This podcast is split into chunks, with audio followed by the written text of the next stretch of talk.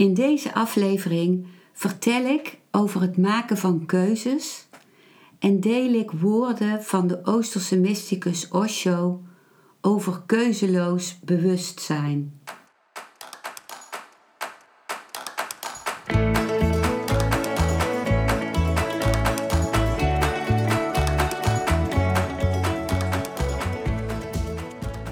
Welkom bij een nieuwe aflevering van Modita's podcast Van Pijn naar Zijn. De podcast waarin ik je meeneem voorbij de pijn in je leven naar wie je diep van binnen bent. Hoe kun je beter omgaan met je gevoelens? Hoe vind je rust in je hoofd? Wat zit er precies achter je pijn? En vooral, hoe kun je steeds meer jezelf zijn? Adem eens diep in en uit. Ik wens je veel luisterplezier.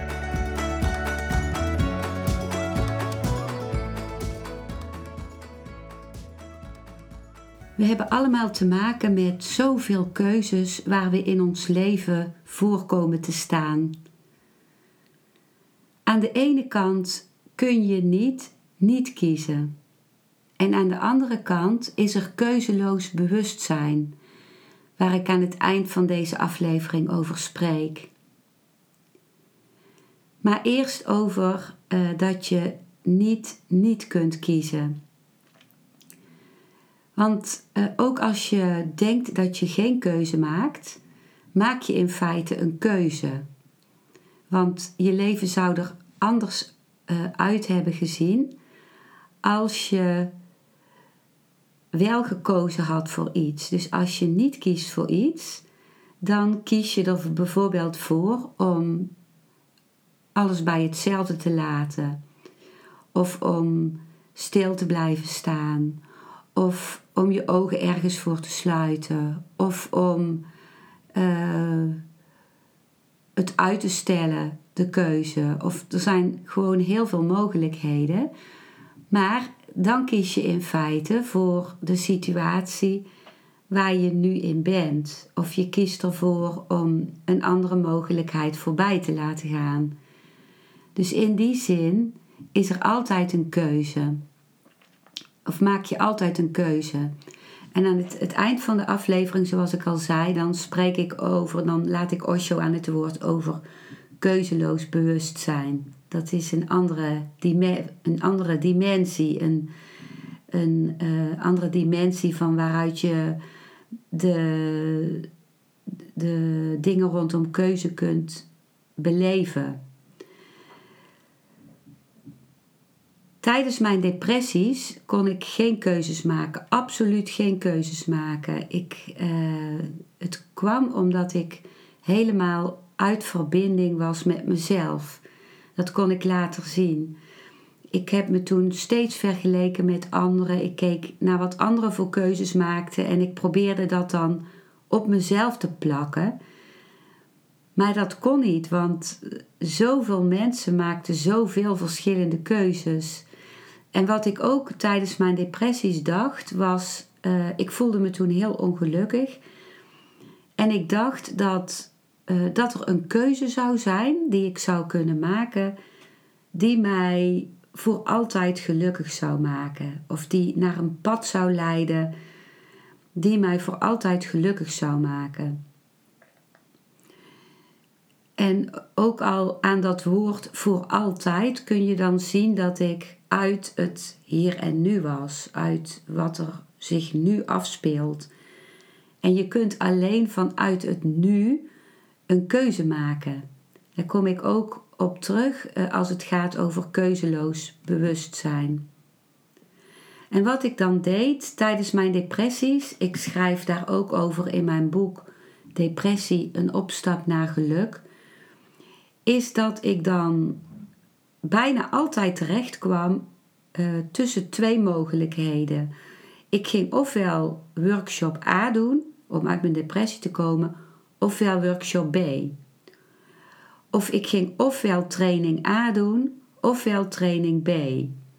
En dan ging ik heel veel energie besteden in kijken wat die training kon bieden. Wat, wat op zich natuurlijk niet verkeerd was.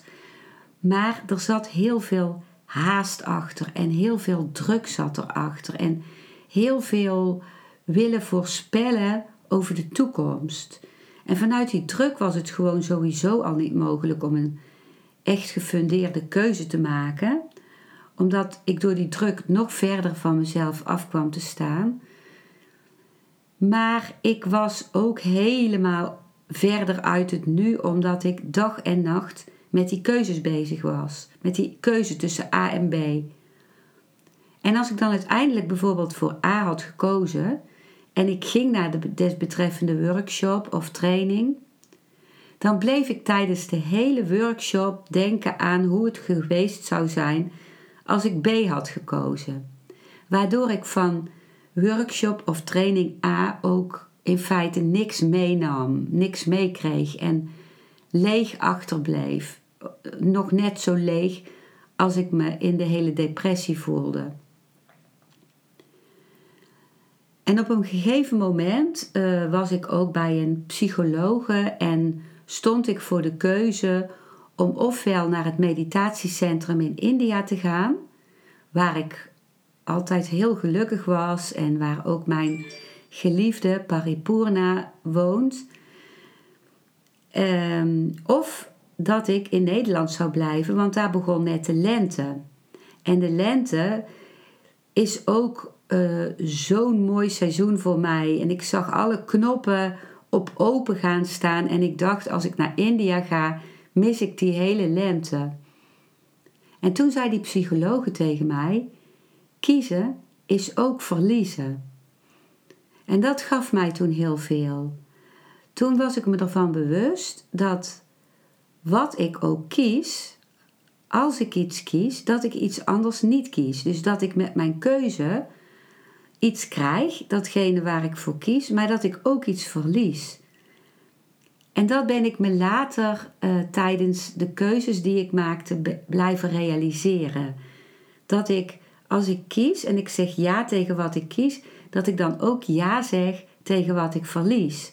En dat offer breng. Want zonder dat offer is, is het niet mogelijk om, uh, om te kiezen. Dus uh,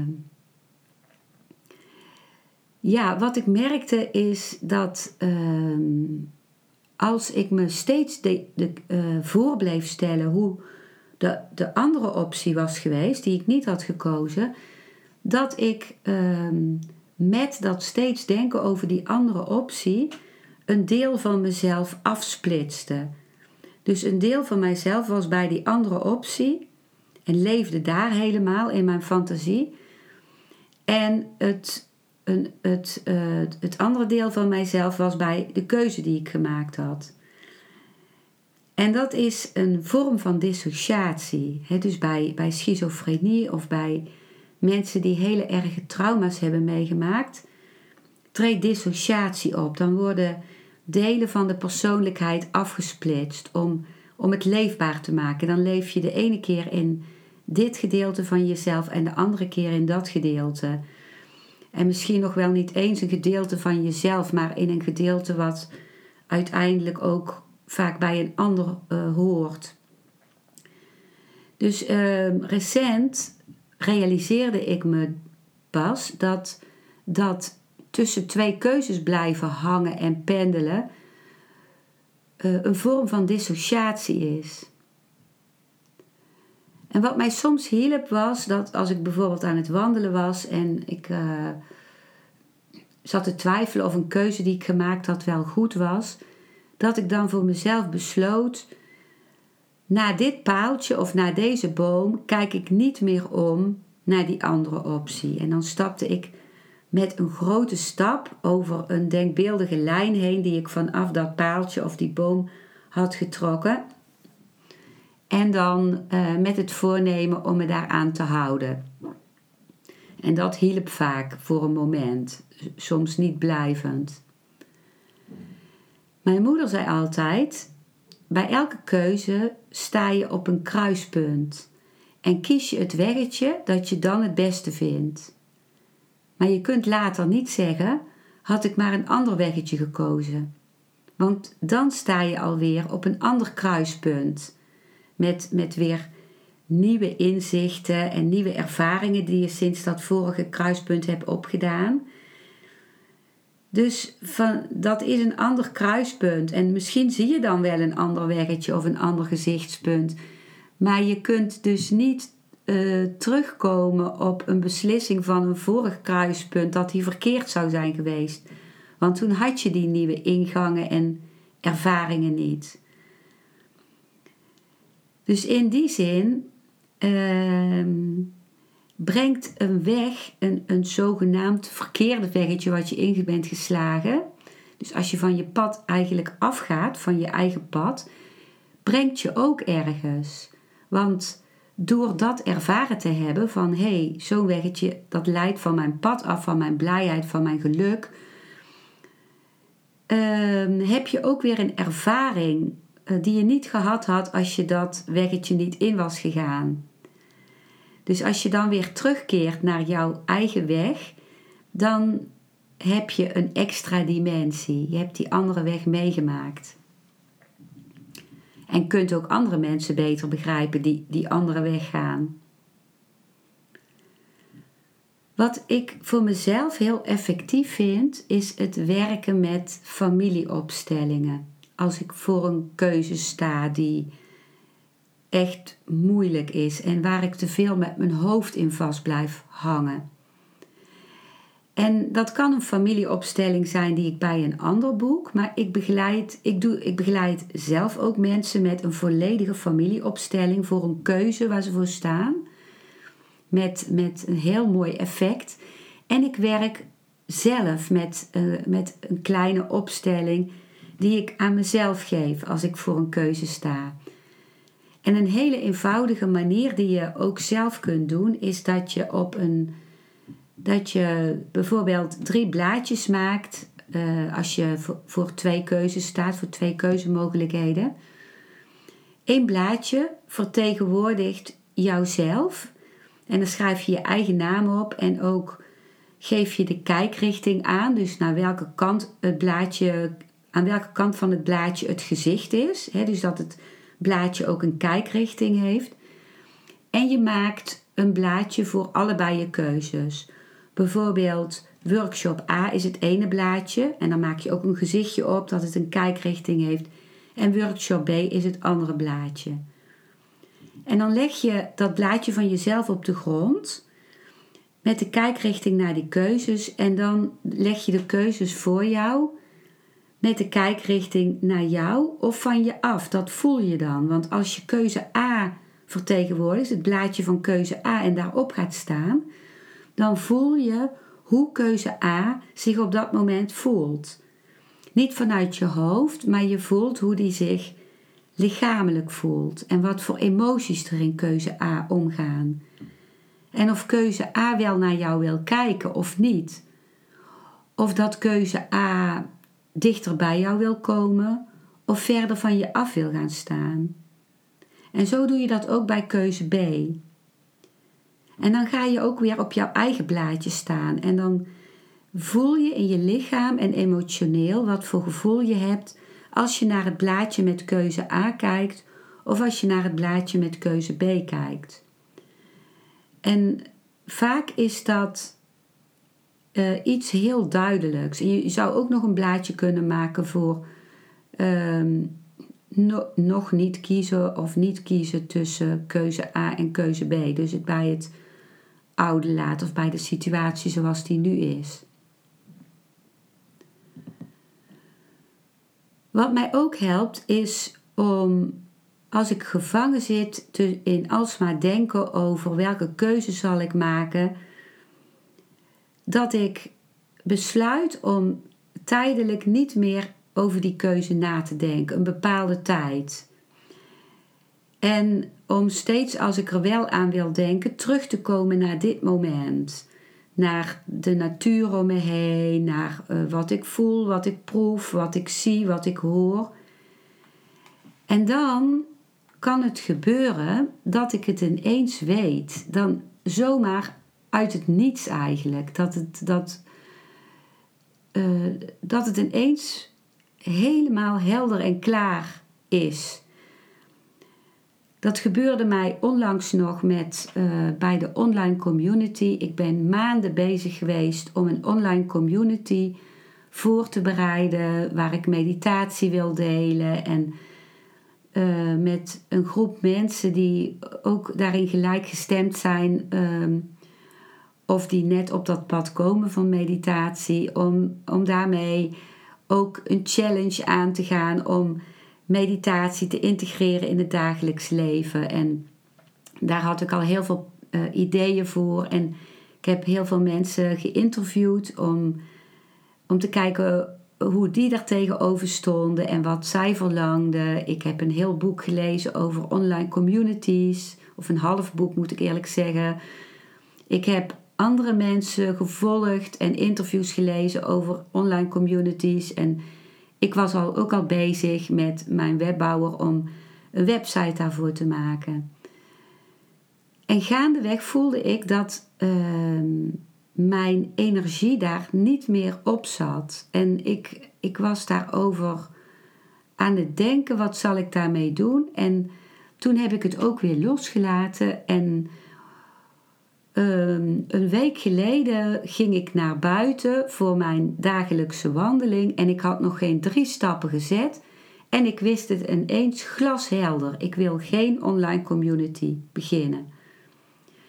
En uh, ik heb dat, het was een opluchting en een, een, ik voelde dat ik met andere dingen door wilde gaan, met de familieopstellingen, met uh, de podcast en met uh, traumabegeleiding. En en ook ruimte open wilde laten voor nog een nieuwe weg, die, die ik ook nog beter zal voelen als ik een vision quest, een retraite helemaal alleen van mezelf in het bos, drie dagen en drie nachten, heb gedaan in september. Dus over, een, over twee weken. En toen heb ik dus alle mensen die ik geïnterviewd heb, geïnfo, heb geïnformeerd dat het niet doorging. Ook mijn webbouwer.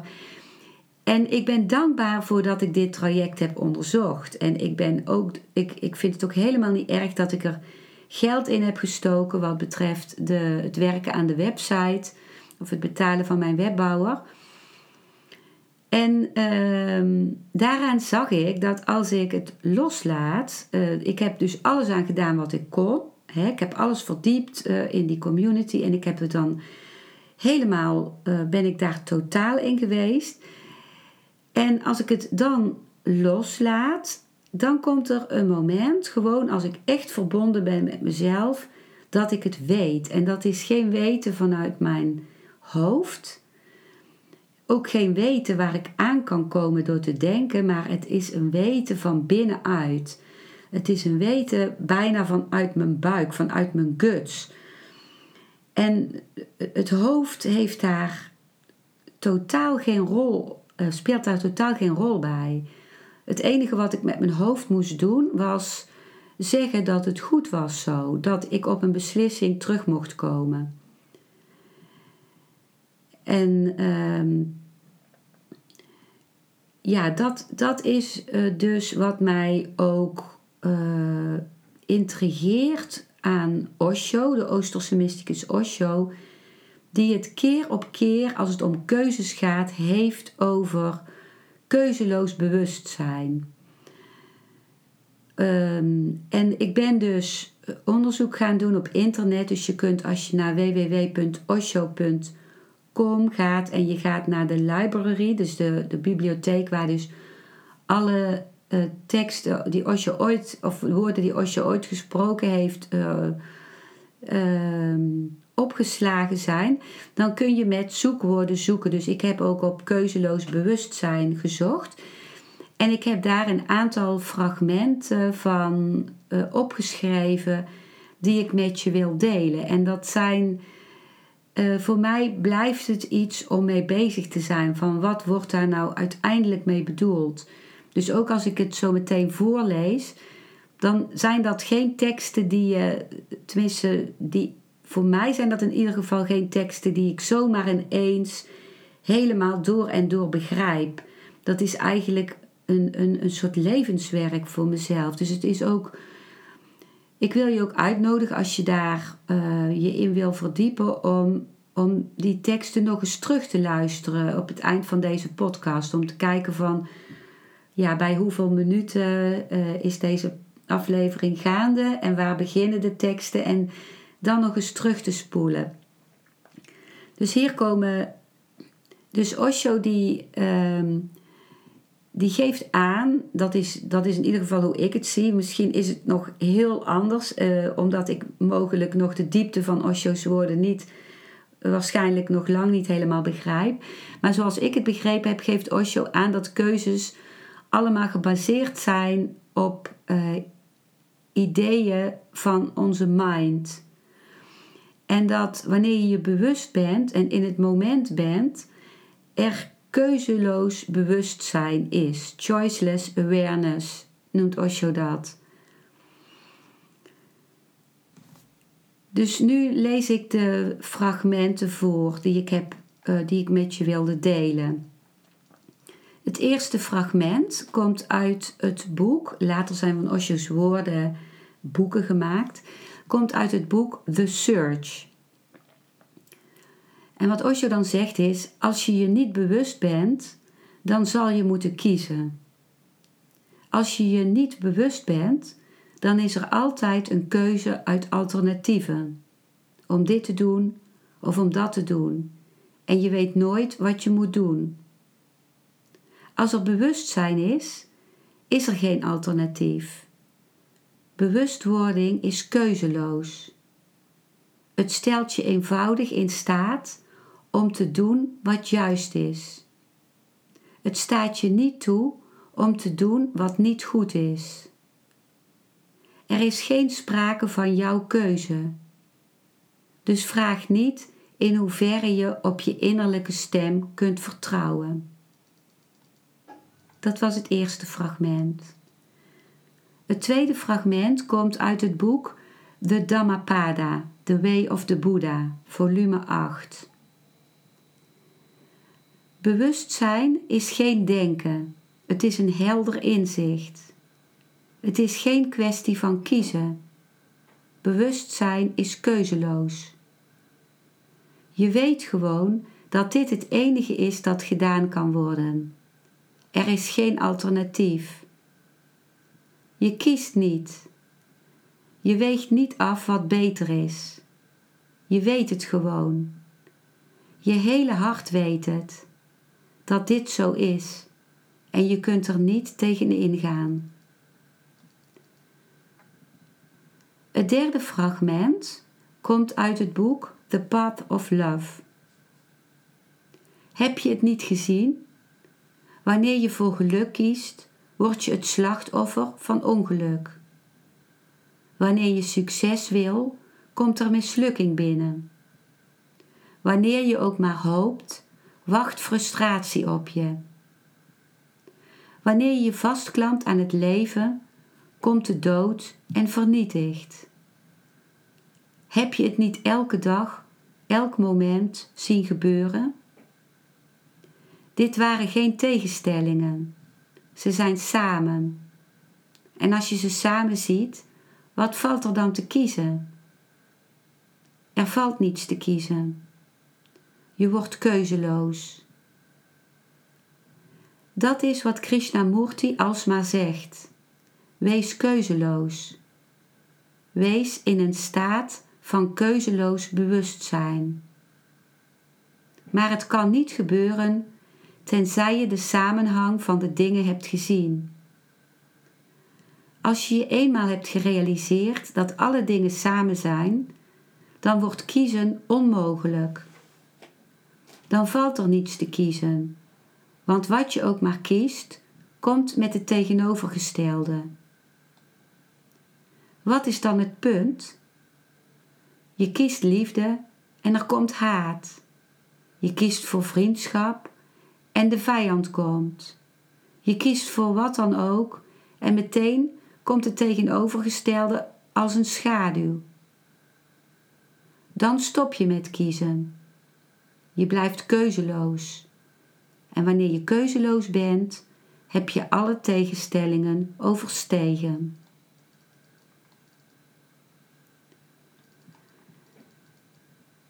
Het vierde fragment komt uit het boek The White Lotus.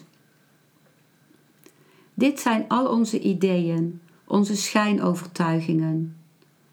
Leven, dood, liefde, haat, goed, slecht, juist, moreel, immoreel, deugd, zonde.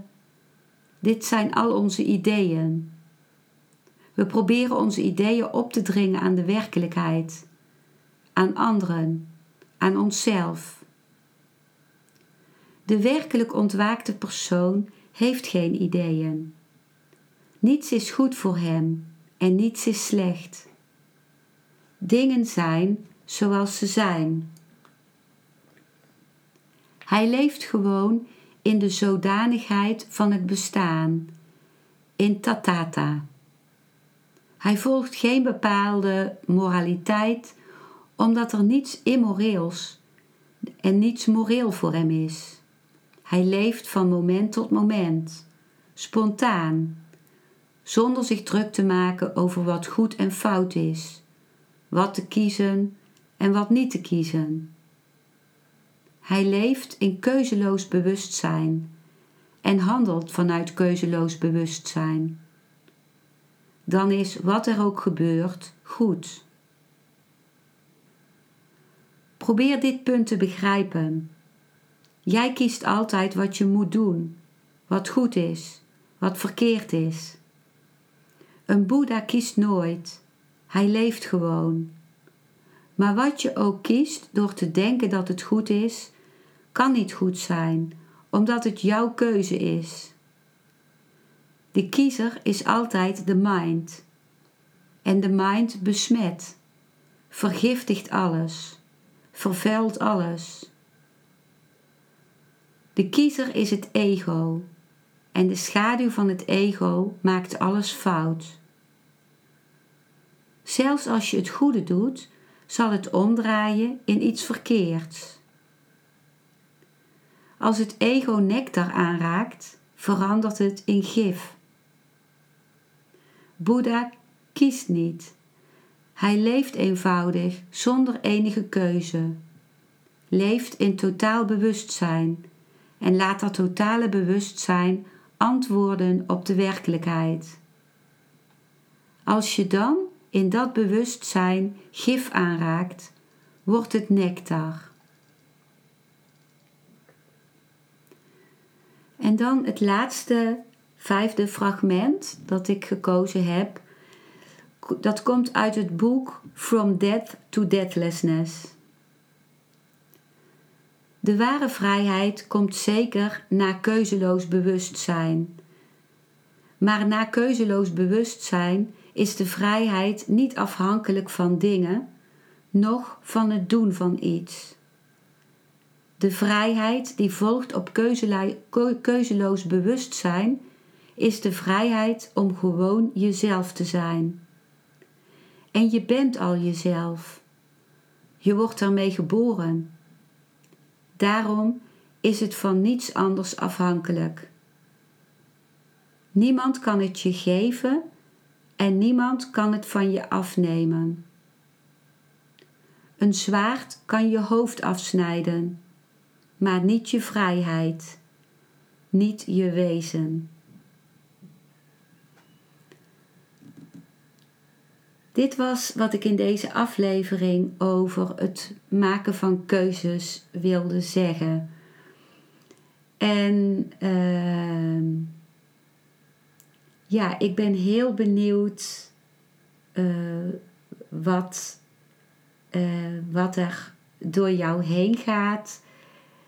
Eh, als je denkt aan het maken van jouw eigen keuzes. Ehm, en ik zou het leuk vinden om iets te horen van je, van hoe je deze aflevering hebt ervaren. En om iets te horen van je over uh, uh, dingen met betrekking tot keuzes in jouw leven. Als je dat wilt. Dus voel je niet verplicht. Maar als je het wilt dan kun je mij uh, daarover bereiken op mijn e-mailadres info@genietenvanmeditatie.nl. Dankjewel voor het luisteren naar deze aflevering. Ik hoop dat hij je een nieuw inzicht of perspectief heeft gegeven. Ik hou van interactie, dus als je iets wilt delen, stuur me dan een mailtje op info.genietenvanmeditatie.nl. Ik geef je dan altijd antwoord. Ik wens jou dat je vreugde in het dagelijks leven zult ervaren en innerlijke rust. En dat je steeds meer je pijn zult kunnen omvormen in zijn. Je kunt de afleveringen van deze podcast volgen via Spotify, Google Podcast, Apple Podcast en Podbean door op de volg- of abonneerknop te klikken.